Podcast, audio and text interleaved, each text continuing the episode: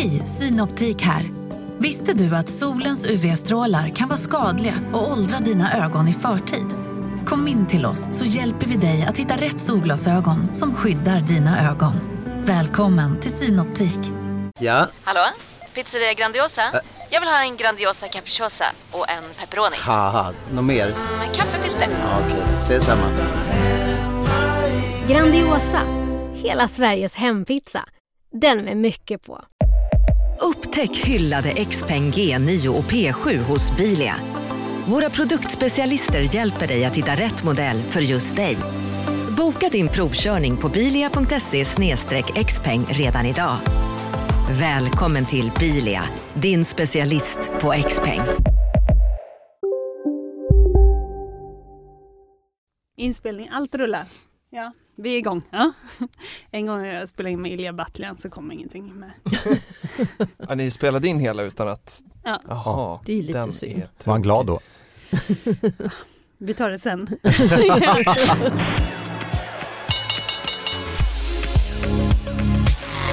Det här är Marknaden med Helene Rothstein. Hej och hjärtligt välkommen till podden Marknaden. Ett program där du hör en längre intervju på måndagar och ett nästan liveinspelat veckomagasin på fredagar. Idag så har vi satt ihop ett litet miljardtema. Vi ska prata om rapportsäsongen som inleder med utdelningsfest på 30 miljarder kronor. Vi ska prata om 884 försvunna miljarder från svenska fondsparare. Och vi ska prata om champagnerekord på 66 miljarder. Jag heter Helene Rothstein och med oss i studion idag så finns Filip Scholtze. Hallå, Hej! Du är sparekonom på Fondbolagets förening. det stämmer bra det. Ja, välkommen! Tack. Och sen har vi Joakim Bornold och du är investeringschef på Levler. Ja, stämmer bra. Välkommen! Hallå. Tack, hallå, tack. Hallå. Och sen så har vi Kim Hansson och eh, du är fondförvaltare på den relativt nystartade fonden Lucy Global Fund. Välkommen! Hej, tack. Stämmer också bra. Men du har en lång erfarenhet inom finansvärlden, eller hur? Jajamän. Ja. Jag har sett många upp och nedgångar och kriser och så. Det, är lite kul när man eh, tittar på statistiken som ni redovisade igår och man tittar tillbaka till en del. Ja, vi kommer gå in på den. Ja. Ja. För, eh, och den kommer som punkt två. Vi börjar med rapportsäsongen som har dragit igång idag på allvar. Den stora floden sveper in nästa vecka. Eh, Men det är ju inte vilka som helst som har inlett den här rapportsäsongen utan det är Investor, det är Ericsson, Sandvik, Avanza bland annat som har rapporterat. Det har gått lite olika men en sak som har hänt är att Ericsson har levererat en rapportmiss och de höjer utdelningen. Vad tänker du om det Jocke? Äntligen har vi rapportperioden igång. Det är ju härligt. Ja! Eh, Det blir man ju glad över. Ehm, Ericsson, eh, ganska grov rapportmiss.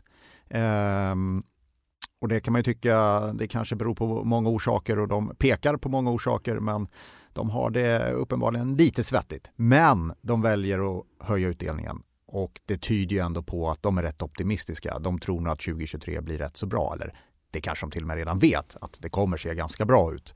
Eh, och då väljer man att ändå eh, dela ut en hel del pengar. Och ja, det kanske tyder mer på en ganska starkt självförtroende på kassaflödet för i år än eh, hur det såg ut förra året faktiskt. Ja, vad, Kim, tänker du någonting om det när man missar att eh, när man gör en rapportmiss och ändå höjer utdelningen? Tänker du någonting kring det?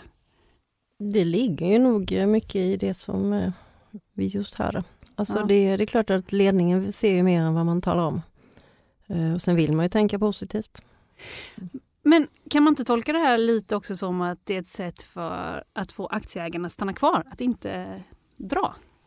Jo, och det skulle man kunna göra. Och det finns nog en sån effekt också. Eh, tycker svenska bolag, eller egentligen ju ägarna som tar beslutet huruvida man ska dela ut eller inte, är ganska vettiga och skruvar ner när det behövs. Tittar man på amerikanska bolag finns det ju sådana som vägrar att skruva ner på sina utdelningar oavsett hur det går i princip. Eh, Så visst finns det ett sådant tryck och det där trycket har nog ökat ganska mycket eh, sista tio åren egentligen där det förväntas hos vissa bolag att det ska delas ut. Um, så trycket har nu ökat och uh, lite har vi importerat det från USA. Att, att, det, att man har de här nivåerna? Att man har förväntningar från aktieägarna på Mm. utdelning och att man helt enkelt uh, hellre lånar upp pengar till utdelning eh, än vad man har gjort tidigare. Eh, de här 30 miljarderna som jag inledde med att säga, jag såg det i en sammanställning som Affärsvärlden gjorde nu på morgonen. Då var det Investor, Ericsson, Sandvik och Avanza som tillsammans då skulle dela ut 30 miljarder kronor till aktieägarna. Men Avanza, man, eh, de väljer att sänka sin utdelning. Men vad tänker du om det, Filip? Ja, men eh, jag, jag, läste Avanzas rapport här på morgonen. De är, deras fondbolag är medlemmar i Fondbolagens förening så det är lite extra kul att, att, läsa och jag tycker att det är spännande att se också ur ett eh, liksom konsumentperspektiv som det är det perspektiv jag har ofta. Så, eh, ja, följer och ser hur många nya sparare kommer in på, på marknaden. Då är Avanza en sån aktör som många kommer in till. Eh, och, och, utdelningen såg jag bara, eh, min gamla poddkompis Niklas la ut en, en, tweet här på morgonen där han visade att eh, utdelningen sänktes ju med den eh, den var ju kraftigt ökad förra året, 2021. Eh, så det är som ofta, att ibland behöver man zooma ut perspektiv för att se en helhet. Mm. Eh, när jag lyssnade på Rickard Josefsson i, på DTV i morse också så sa han att eh, ah, det kommer massa konkurrenter som säger de ska konkurrera med oss men liksom, vi märker inte av någonting. Det var lite kaxigt, men ni på Levler Eh, Joakim, ni eh, säger att ni ska bli en konkurrent men han märker inte av någon vidare konkurrens, säger han.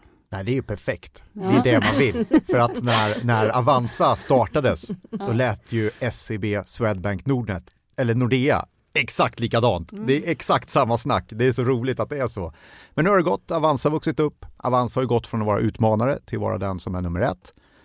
Och nu har ju de gått in i en förvaltande roll precis som bankerna var för 15-20 år sedan. Och nu är det vår tur. Nu är det vi och några till som ska kriga i kapp Avanza och, och, jaga och det ska ju bli superroligt förstås. Och, och, man kan konstatera att de tjänar sjukt mycket pengar. Så det finns ju faktiskt någonting att jaga där och det är jag sugen på att göra. Ja. Med flera. Ja men hur ska ni göra det då? Alltså om inte han märker av någonting, är det bara för att de har blivit så här fat and happy menar du?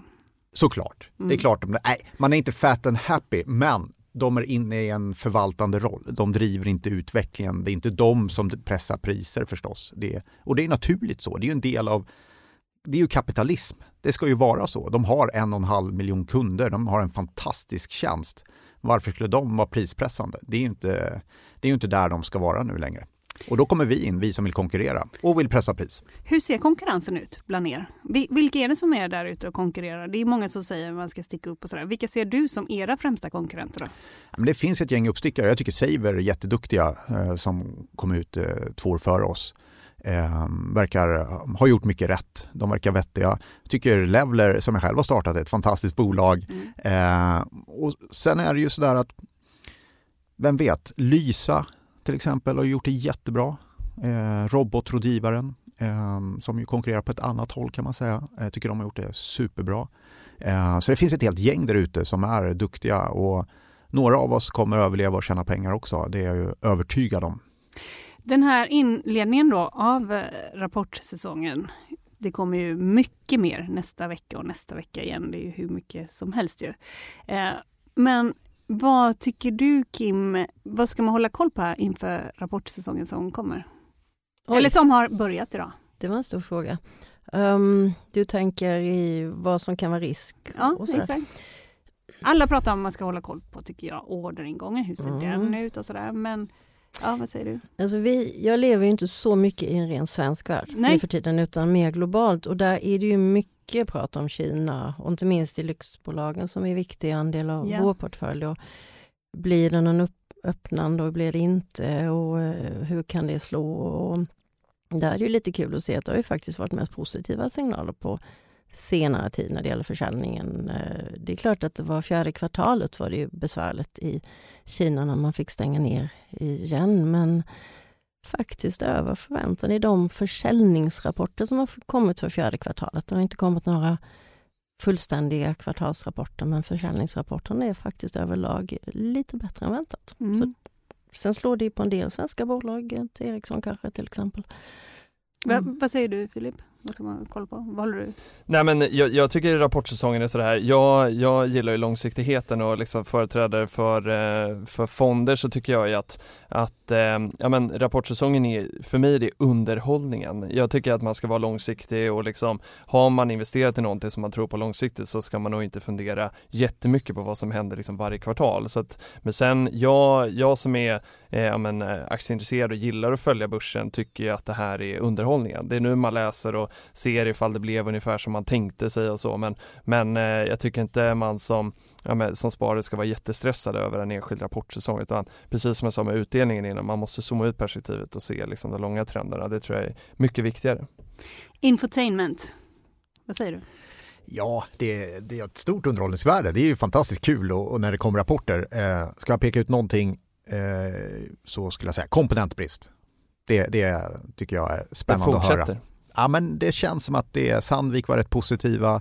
Um, det ska bli kul att se hur resterande produktionsbolag som är produktionstyngda eh, kom, eh, kommenterade. För det känns som det är på väg att lösas upp. Och det är nyckeln till att få ner inflationen. Det är ja. att öka utbudet i marknaden, inte att sänka mm. efterfrågan. Hallå, alla där ute, Riksbanken med mer. Mm. men, men eh, Eriksson, han, han, sa ju, Börje Ekholm sa ju att de ser ju fortsatt inflationstryck på, mm. deras, på det som de köper in helt enkelt. Eh, så det är väl ganska intressant eh, som inflationsmätare vad de stora ja. bolagen säger framöver. Ja. Absolut. Jo, det är väl det som, om man nu får gå tillbaka till underhållningsvärdet, så för en förvaltare så är ju detta möjligheten när det rapporteras per kvartal. Det är då man får möjlighet att kunna få lyssna in på vad de säger och vad de säger om hur det gick. Det är inte så himla, det, det vet jag. Men hur de formulerar framtiden och vad man tror och vilka frågor nu får man ju sällan ställa frågor som förvaltare men det finns ju massa analytiker som ställer kloka frågor och, och hur de svarar på dem, det är ju, det är ju jättemycket att lyssna in då på alla olika och jämföra. Det är, det är kul. Ja, det är kul. Ja. Får jag ställa en fråga på det? Ja. Eh, men du som har ett internationellt perspektiv också, ja. är det, upplever du någon skillnad i att lyssna in på liksom, de utländska bolagen kontra de, de svenska? Är det liksom mer lättillgängligt eller eh, finns det någon skillnad? Jag skulle säga att svenska bolag generellt sett är bra. Nu är de flesta på engelska och där kan det vara lite si och så med de svenska bolagens, inte kompetens och kunskap i språket som sådant, men i uttalet och sätt, lättheten att hantera det och sådär. Men jag tycker de svenska är jättebra, jag tycker de amerikanska är bra. Det är lite besvärligare med en del franska och italienska och, och där det blir lite stappligare och lite mer läsa innantill och sådär. Ja, då blir det ännu om, som en trappa ner. Alltså just språkligt menar du? Språkligt, ja. Ja, ja. och en del är inte på något vis lika vana. Um, ja, rent kommunikativt. Ja, ja, intressant. Mm. Marknaden sponsras av SPP, pensionsbolaget. Eh, förra gången pratade vi lite om ITP. Och som en kort repetition så, så var det ju 70-tal, arbetsmarknadens parter bestämde att alla tjänstemän ska ha en tjänstepension. Man kom överens om vilka villkor som ska gälla i den här pensionen och så kallade man den för ITP. Så jobbar man idag som tjänsteman i ett företag med kollektivavtal, då har man förmodligen den här pensionen, ITP-pensionen. Eh, och det är ju så att man kan påverka eh, den här pensionen, hur den är placerad. Vart femte år så gör nämligen Collectum, som de heter, en enorm upphandling där olika pensionsbolag kan ansöka om att få förvalta eh, de här pensionerna. Och SPP är ett av bolagen som valdes ut i den senaste upphandlingen. Och sen kan du som pensionssparare välja eh, vilket av de här olika pensionsbolagen som, som då ska få ta hand om dina pengar. Och tanken med den här upphandlingen det är ju att liksom kvalitetssäkra de här olika alternativen eh, men också att förhandla fram stora rabatter så att pensionsspararna ska få, ja, kunna spara pengar genom att avgifterna eh, som är så viktiga eh, blir eh, lägre. Och vill man välja någonting i ITP-systemet då finns det en relativt ny sajt som heter avtalat.se. Ehm, där kan man gå in och se hur sin ITP-pension är placerad. Jag gjorde det häromdagen faktiskt. Ehm, idén är att hälften av pengarna alltid ligger i något som kallas för traditionell försäkring. Det här gjorde vi ett avsnitt om i podden Kapitalet nyligen eh, som vi kallade världens bästa sparform. kan man lyssna på om man är intresserad. Eh, den andra halvan eh, den kan man också lägga i en traditionell försäkring eller så kan man placera det i något som kallas för fondförsäkring. Eh, SPP som sagt eh, var ju ett av de fåtal bolagen som valdes ut i den senaste upphandlingen och de finns med som alternativ både med en traditionell försäkring och med eh, fonder. Så det var en liten bakgrund till ITP-systemet. Vill man läsa mer om det här eller typ kolla hur ITP-pensionen är placerad, eh, kanske göra förändringar, då går man in på avtalat.se. Eh, men tack säger jag till SPP som vill göra oss människor mer medvetna om hur enormt viktig pensionen är för oss som en framtida lön, men också som en positiv kraft i samhället eh, och förstås för att ni möjliggör eh, den här podden Marknaden.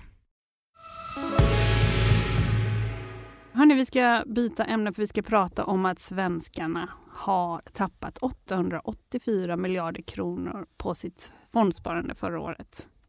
Det Vilken vi... rubrik! ja. det är sant ju. Och eller så här, det visar statistik mm. från Fondbolagens förening som ni presenterade i förrgår. Ja, men det stämmer. Så vi sammanställer varje månad hur eh, nysparandet ser ut i fonder och på den svenska marknaden då, och eh, eh också hur liksom fondförmögenheten utvecklas. Och eh, när vi gick in i 2021 som på eh, många liksom sparfronter så var det ju eh, eh, jättegoda tider. Vi hade en börs som hade gått fantastiskt och mycket pengar hade också sparats. Så vi hade en fondförmögenhet i Sverige på nästan 7000 miljarder då eh, och eh, nu eh, när vi stänger 2022 så har det backat 884 miljarder. Eh, och ser vi året som har varit så har det varit utflöde nästan under hela året. Men nu stängde vi faktiskt eh, på lite positivt. 19 miljarder kom det in till slut då i, i fonder eh, och en hel del drivet av att det kommer in premiepensionspengar. Det finns ju andra pensionspengar som kommer in liksom naturligt hela tiden. Men de här 19 miljarderna, var det premiepensionspengar som kom in eller var det exklusivt dem? Nej, det är inklusive dem. Ja. Eh, och eh, så, så jag tror att vi, så tar man bort dem så är vi liksom närmare, närmare nollan. Men vi hade i december ett väldigt starkt, eh, ja, starkt nysparande trots att börsen var knackig. För det där brukar annars vara det liksom naturliga mönstret att när börsen går bra så då fylls det på med pengar i fonder och när det går dåligt så tar man ut. Och det där skulle man ju hellre vilja att de flesta gjorde tvärtom. Det är jättesvårt men, eh, men eh, så det bästa är då liksom spara, spara hela tiden.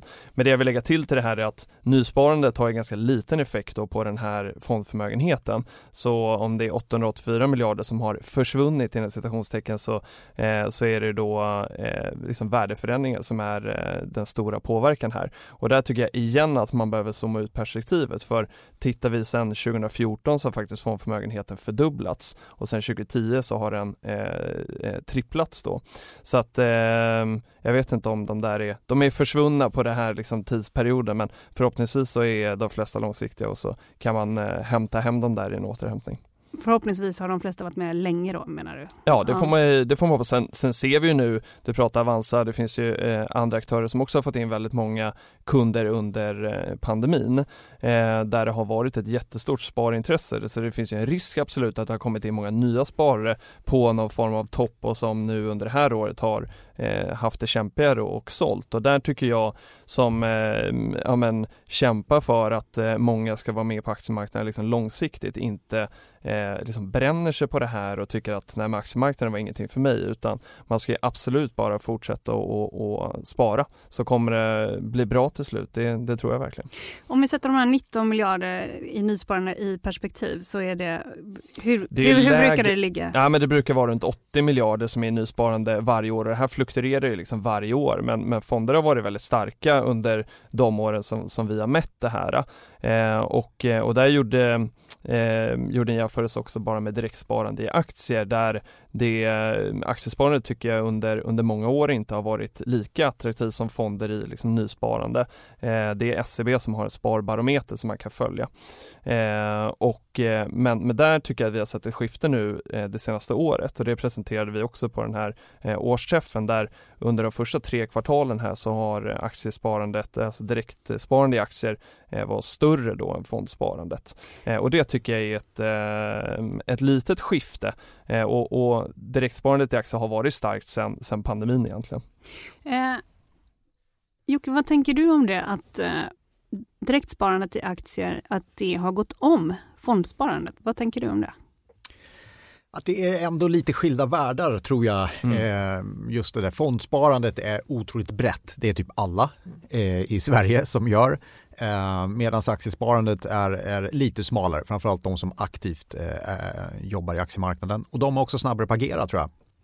Och kanske därmed också ehm, kanske hittar lite bättre rätt i tajmingen, jag vet inte. Men, men de är nog mycket snabbare på att agera och, och det märker vi ju att eh, det känns i alla fall så att så fort det lättar lite i aktiemarknaden så kommer de tillbaka mm. på en gång.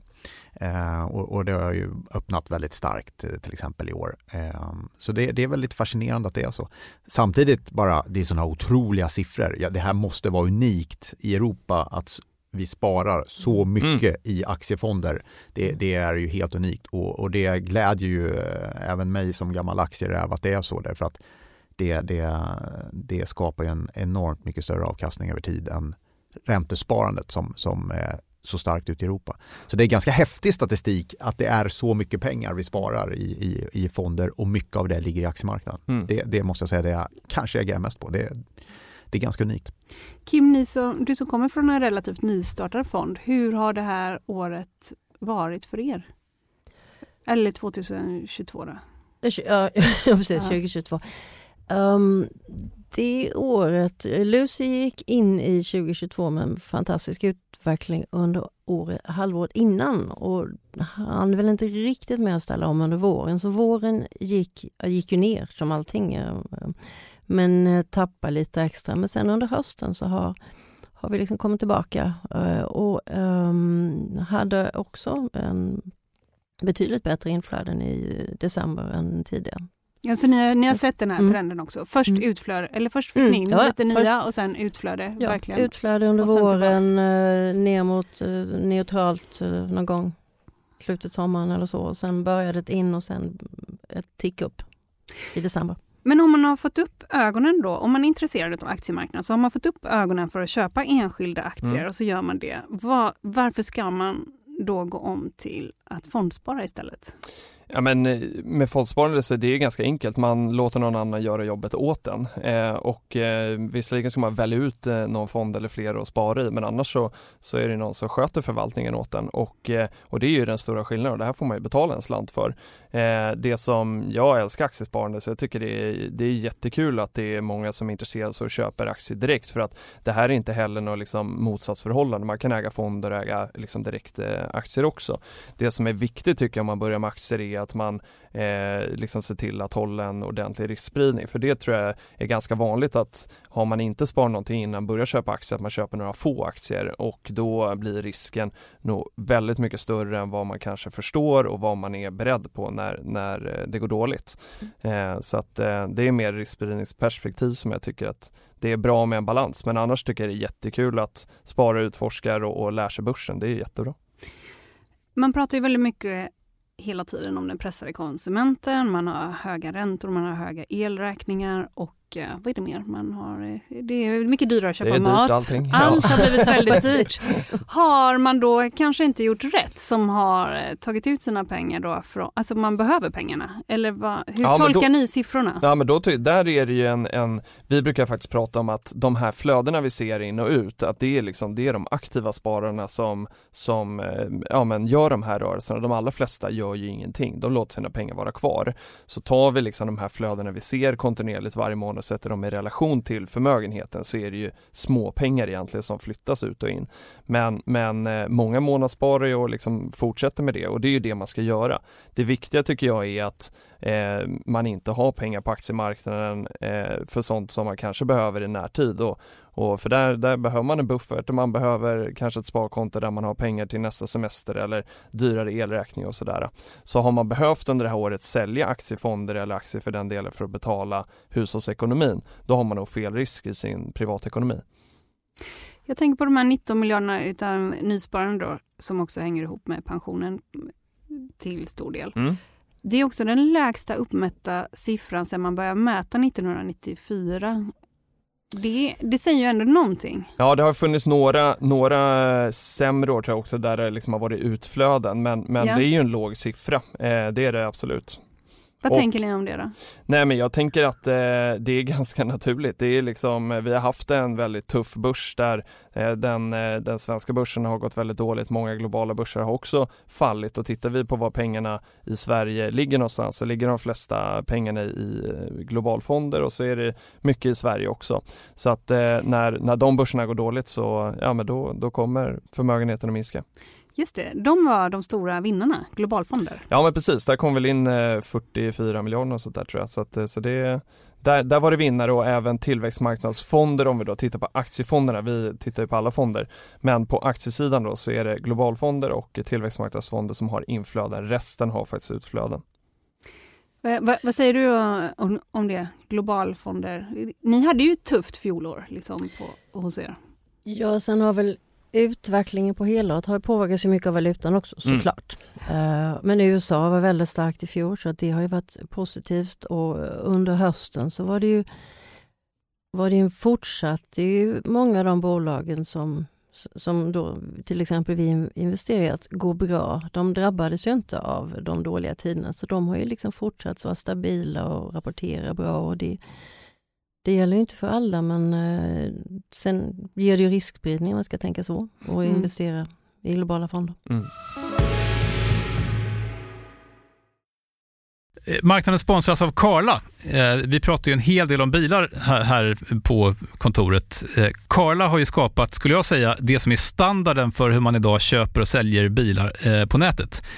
Eh, kort bakgrund bara. Eh, Karla säljer och leasar begagnade elbilar eh, och laddhybrider på karla.se. Alltså en helt eh, digital upplevelse. Och man har gjort det här med ett nästan maniskt fokus på vad en bilköpare faktiskt behöver. Jag gjorde ju en intervju med en av grundarna, Patrik Illerstig, i marknaden här eh, ganska nyligen, eh, daterad 25 mars, om man vill lyssna på den Eh, men där berättar han hur de kom in i det här lite från vänster för att försöka uppfinna hela den här liksom bilköpupplevelsen från början. Och de har idag, vilket är rätt otroligt, 4,8 i betyg eh, på Trustpilot. Jag, jag har sett många företagssidor på Trustpilot, men det här är nog bland eh, det bästa jag någonsin sett faktiskt. Man kan sälja bilen till Karla också. Eh, då går man in på karla.se, delar lite info om bilen, sen får man en gratis värdering och ett bud de hämtar bilen helt gratis i hela Sverige och så har man pengarna på kontot i samma stund som de hämtar bilen. Det är grymt. Eh, så ska du köpa en ny bil eller sälja din gamla, eller båda delar för den delen, gå in på karla.se och eh, kolla. Alltså karla.se och Karla stavas med C. Tack så mycket till Karla.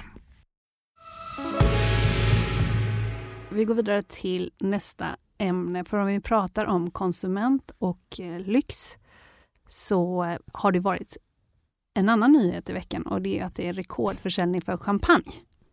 Och eh, den, eh, man har aldrig typ tidigare sett så höga siffror. Så ungefär, eh, det såldes champagne för ungefär 66 miljarder kronor och detta var då trots, jag tror man räknade bort ryska konsumenter till exempel.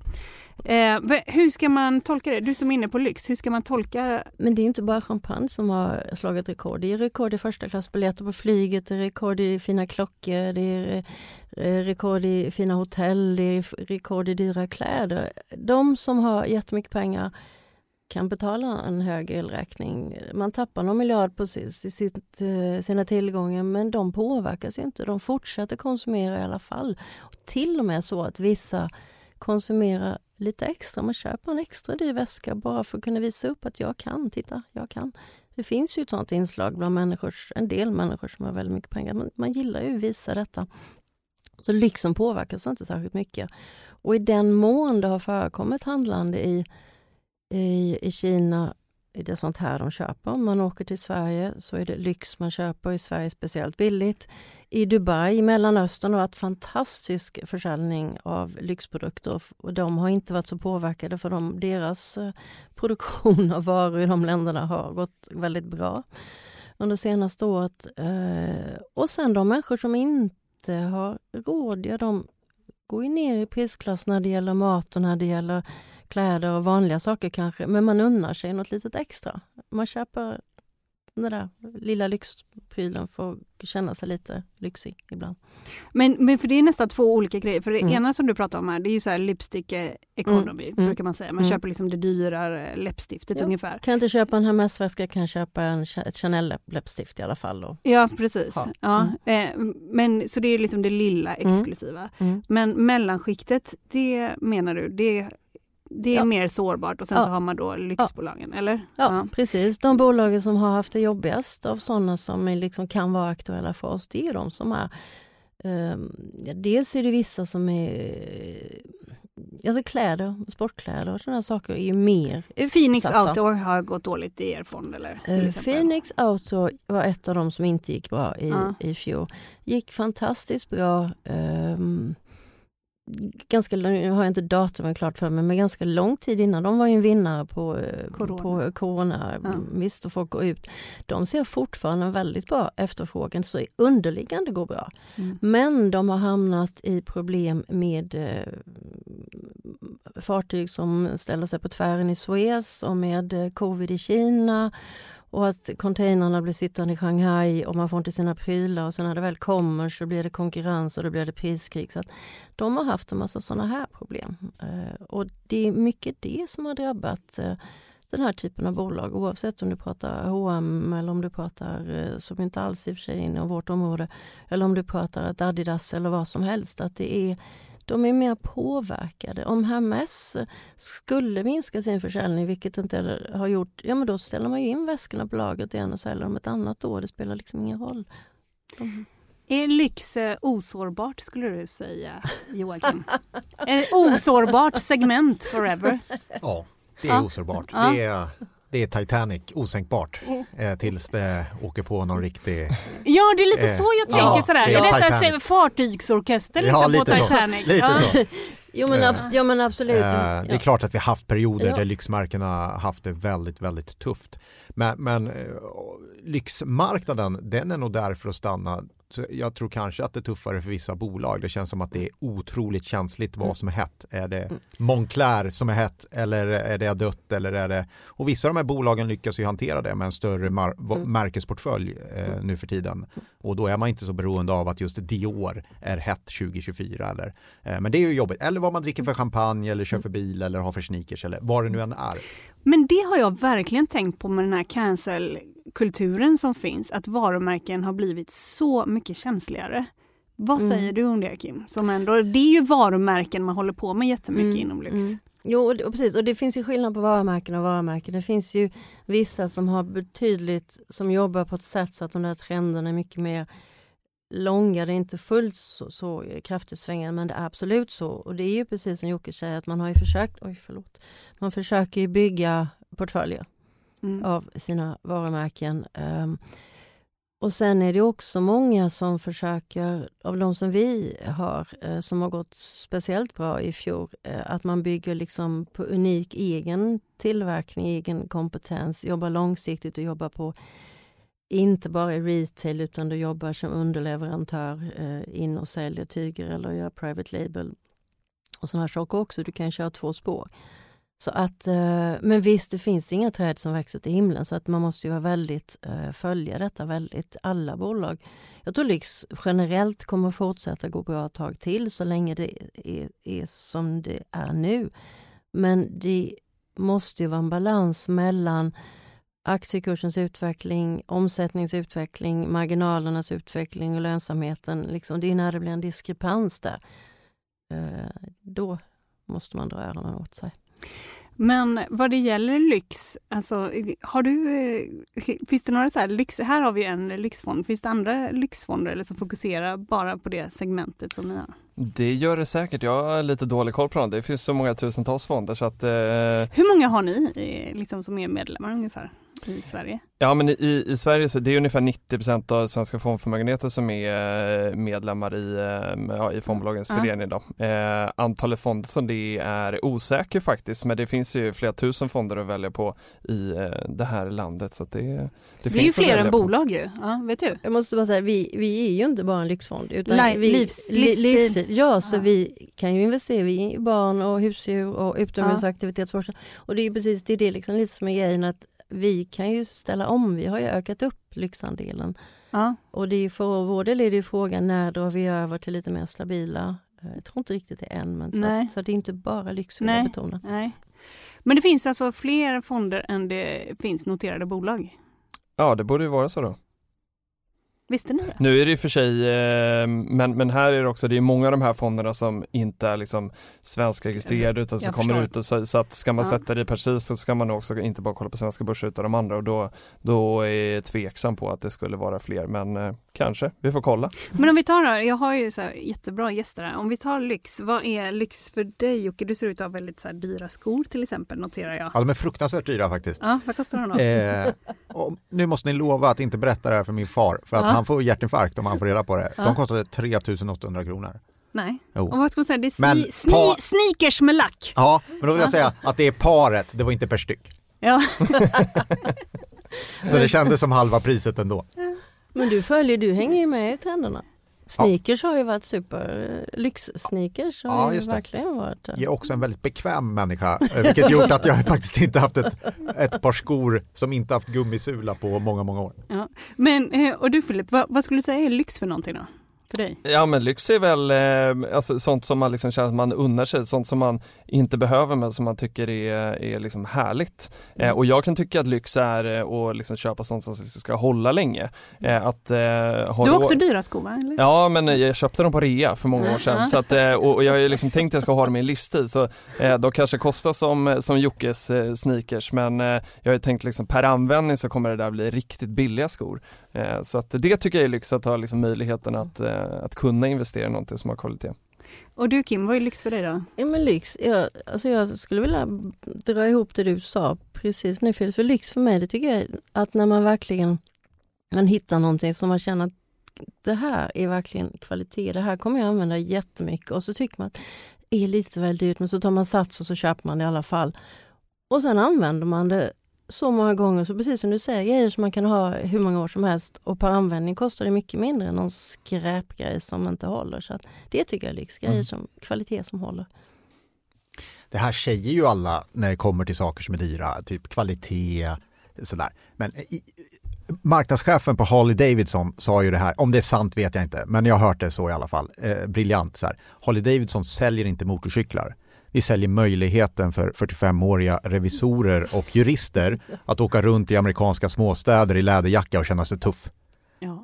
Och det är det som gör oss med något, det är därför jag har skor för 3800 kronor. Ja det är en fåfänga, absolut. Fåfängan ja. är ju, det är ju fåfängans fyrverkeri mm. eh, som den gamla boken hette. Det är ju, och det är ju briljant att tjäna pengar på det. För vem mm. vill inte betala? Jag är 45 år ekonom, det är klart jag skulle kunna tänka mig att betala 250 000 för en Harley Davidson om jag får åka runt i en läderjacka och känna mig cool. Jag har inte känt mig cool på tio år.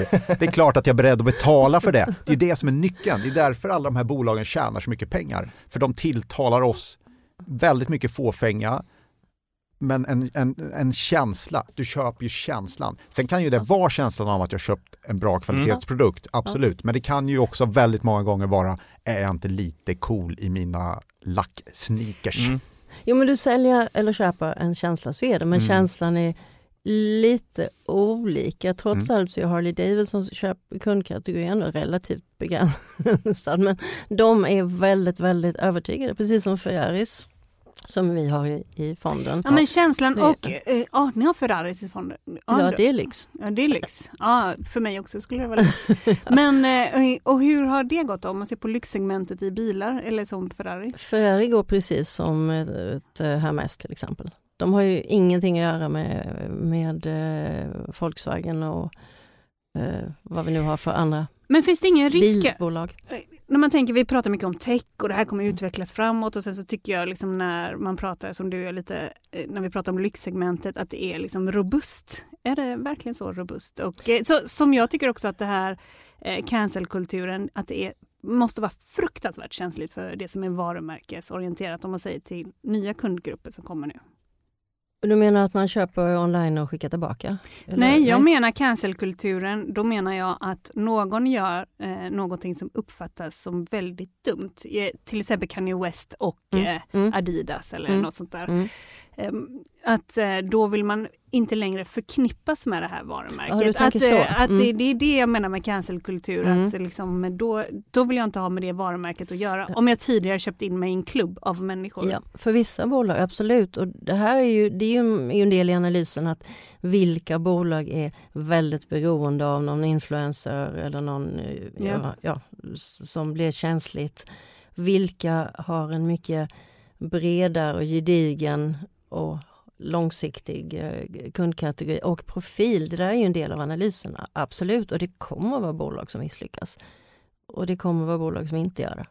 Ja. Uh, och vissa bolag, tar då ett Ferrari till exempel, de, de kommer ju aldrig att tillverka jättemånga bilar. De har flera år i kö och de har sina program för kunderna yeah. som får komma och köra, köra på racerbanan i Maranello. Och liksom, mm. det, det är en helt annan kultur. Men det, Ja, det kommer vara bolag som misslyckas. Ja, det kommer vara bolag som går ner men det kommer vara de som klarar sig också. Ja. Riskspridning alltså, det är Precis. det man vill åt.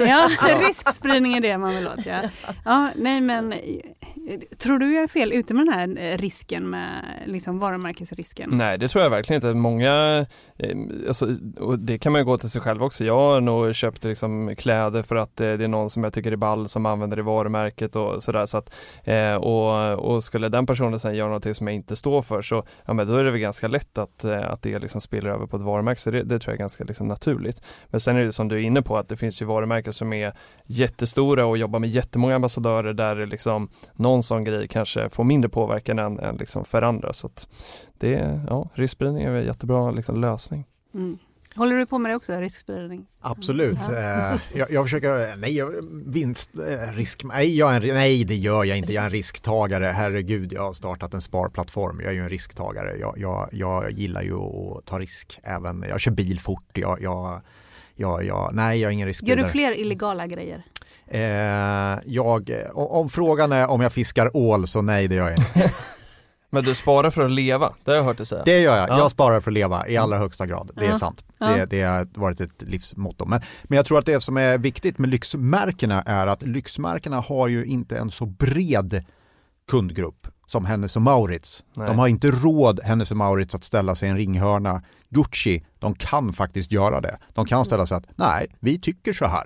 Och periodvis gör de det, de här märkena, tycker jag, som stora. Mm. För de har en lite mindre kundgrupp och de vet att de följer med i mm. ringhörnan när de ställer sig. Så jag tror kanske inte att lyxmärkena är de som är mest känsliga för det. Jag tror att Hennes och Mauritz är mycket känsliga för de köper alla. De har inte råd att ha en, en halv befolkning emot sig. Det har inte Volkswagen heller. Ja, men, intressant. men Ferrari kan absolut mm. ha det. Mm. De kan uppfattas eh, som eh, eh, vad det nu kan vara eh, och, och, Gucci och, och de här. Mm. Det är för att de, har inte, de säljer inte till en miljard människor.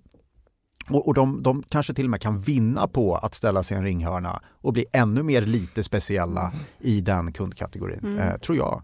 Ja, det blir intressant att följa. Hörrni, har ni några spaningar här framöver? Om jag börjar med dig Filip.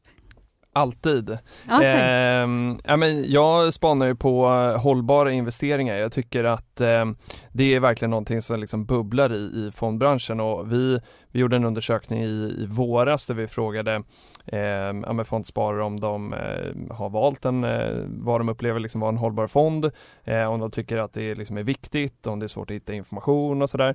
Eh, och, och, det är många som väljer en fond för att den har en hållbar inriktning. Det är, tror jag, ännu fler som tycker att det är svårt att, att hitta fonder som, som har det. Eh, och, och, flest tror jag tycker att eh, det är viktigt att en fond investerar hållbart. Eh, och så ser jag ju då att Eh, bland eh, liksom våra medlemmar så jobbas det ju kopiöst med eh, både liksom regelverk kring hållbarhet och med kundernas liksom förväntningar. Och det här ska liksom matchas ihop då på något sätt för att det handlar mycket om hållbarhetspreferenser och sådär. Men här tror jag att det kommer hända jättemycket. Eh, och vi ser också nu Ehm, ja, vi rapporterar också kvartalsvis på hur fonder som har hållbara investeringar som mål och de som främjar då miljörelaterade och sociala egenskaper, hur, ehm, eh, hur mycket pengar som flödar in i de olika kategorierna om man ska säga då. Eh, och där, eh, de här då som har hållbara investeringar som mål hade ju Eh, positiva inflöden under, eh, under förra året och stack ut väldigt mycket under de månaderna när, när det var eh, utflöde generellt sett ur aktiefonder framförallt. Då. Så det är en liten spaning. Jag tror att det finns ett stort intresse och det jobbas febrilt. Mm du har ju jobbat med de här frågorna tidigare. Ja, nu också. Ja. ja.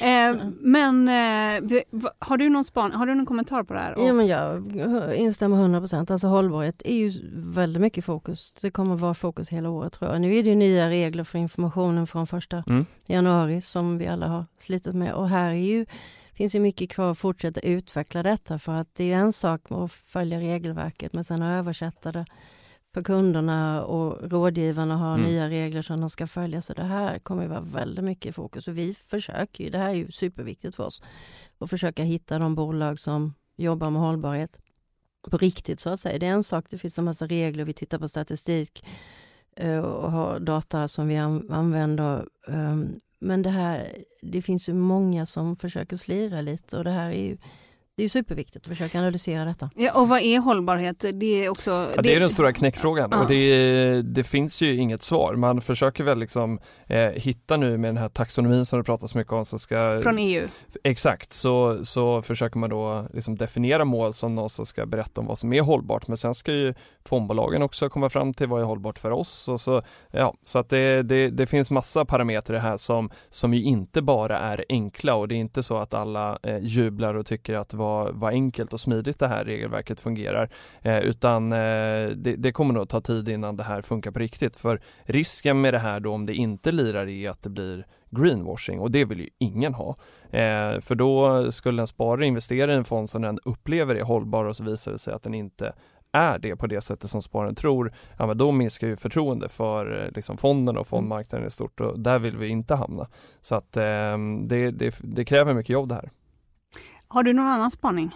Eller har du någon spaning Kim? Utöver att ja, vad som helst. kommer fokus, ja. fokus. Ja men jag, alltså någon gång under nästa år så kommer det ju att eh, förhoppningsvis och förmodligen att börja bottna ut och se lite ljusare ut så att det där vilket menar du? Hela livet. Nej, börsen, och, börsen och, och, marknader och allt möjligt. Så förhoppningsvis, det kommer ju bli, jag tror det kommer bli ett väldigt spännande år eh, 2023. Förhoppningsvis inte fullt så dramatiskt. Som du har en positiv syn på marknaden och börsen här ja, framöver? Lite lagom positiv. Ja, lite lagom positiv. Så, ja. Eh, eh, börsåret, vid årets slut, är det tvåsiffrig, tvåsiffrigt upp vi ser? Ja, det kan vara med en etta före. Ja, ja. ja, vad, säger du, vad har du för spaning då, Jocke? Eh, men jag var lite inne på samma sak. Allt är så grått och mörkt eh, just nu. Men om man bara... I livet eller? Ja. ja. nej. nej. det är ändå fredag så det känns ja. helt okej. Okay. Eh, nej, men, men eh, vinter och januari kanske inte är den mest optimistiska månaden. Men om man blickar upp lite grann och så är nog himlen ganska blå där ändå. Det är ganska mycket positiva signaler tycker jag. Bara de här rapporterna som kom i morse. Ja ganska positiva signaler ändå. Det är inte så där deppigt som, som det kanske många tror och tänker. Inflationen är ju uppenbarligen på väg ner, den har varit seg men, men den sjunker tillbaka. Förtroendet är tillbaks. Bolagen ger utdelningar, de tror på ett bra år 2023. Um, ehm, kommer nog sitta här om ett år och känna att 2023, det blev ett ganska bra år ändå. Hörni, stort tack för att ni kom och gästade podden Marknaden. Och du har lyssnat på podden Marknaden och vi är tillbaka på måndag. Vi ges ut ur Monopol Media, ansvarig utgivare Jakob Bursell och jag heter Helene Rådstein. Ha en trevlig helg. Vi hörs på måndag. Håll ut, hej då!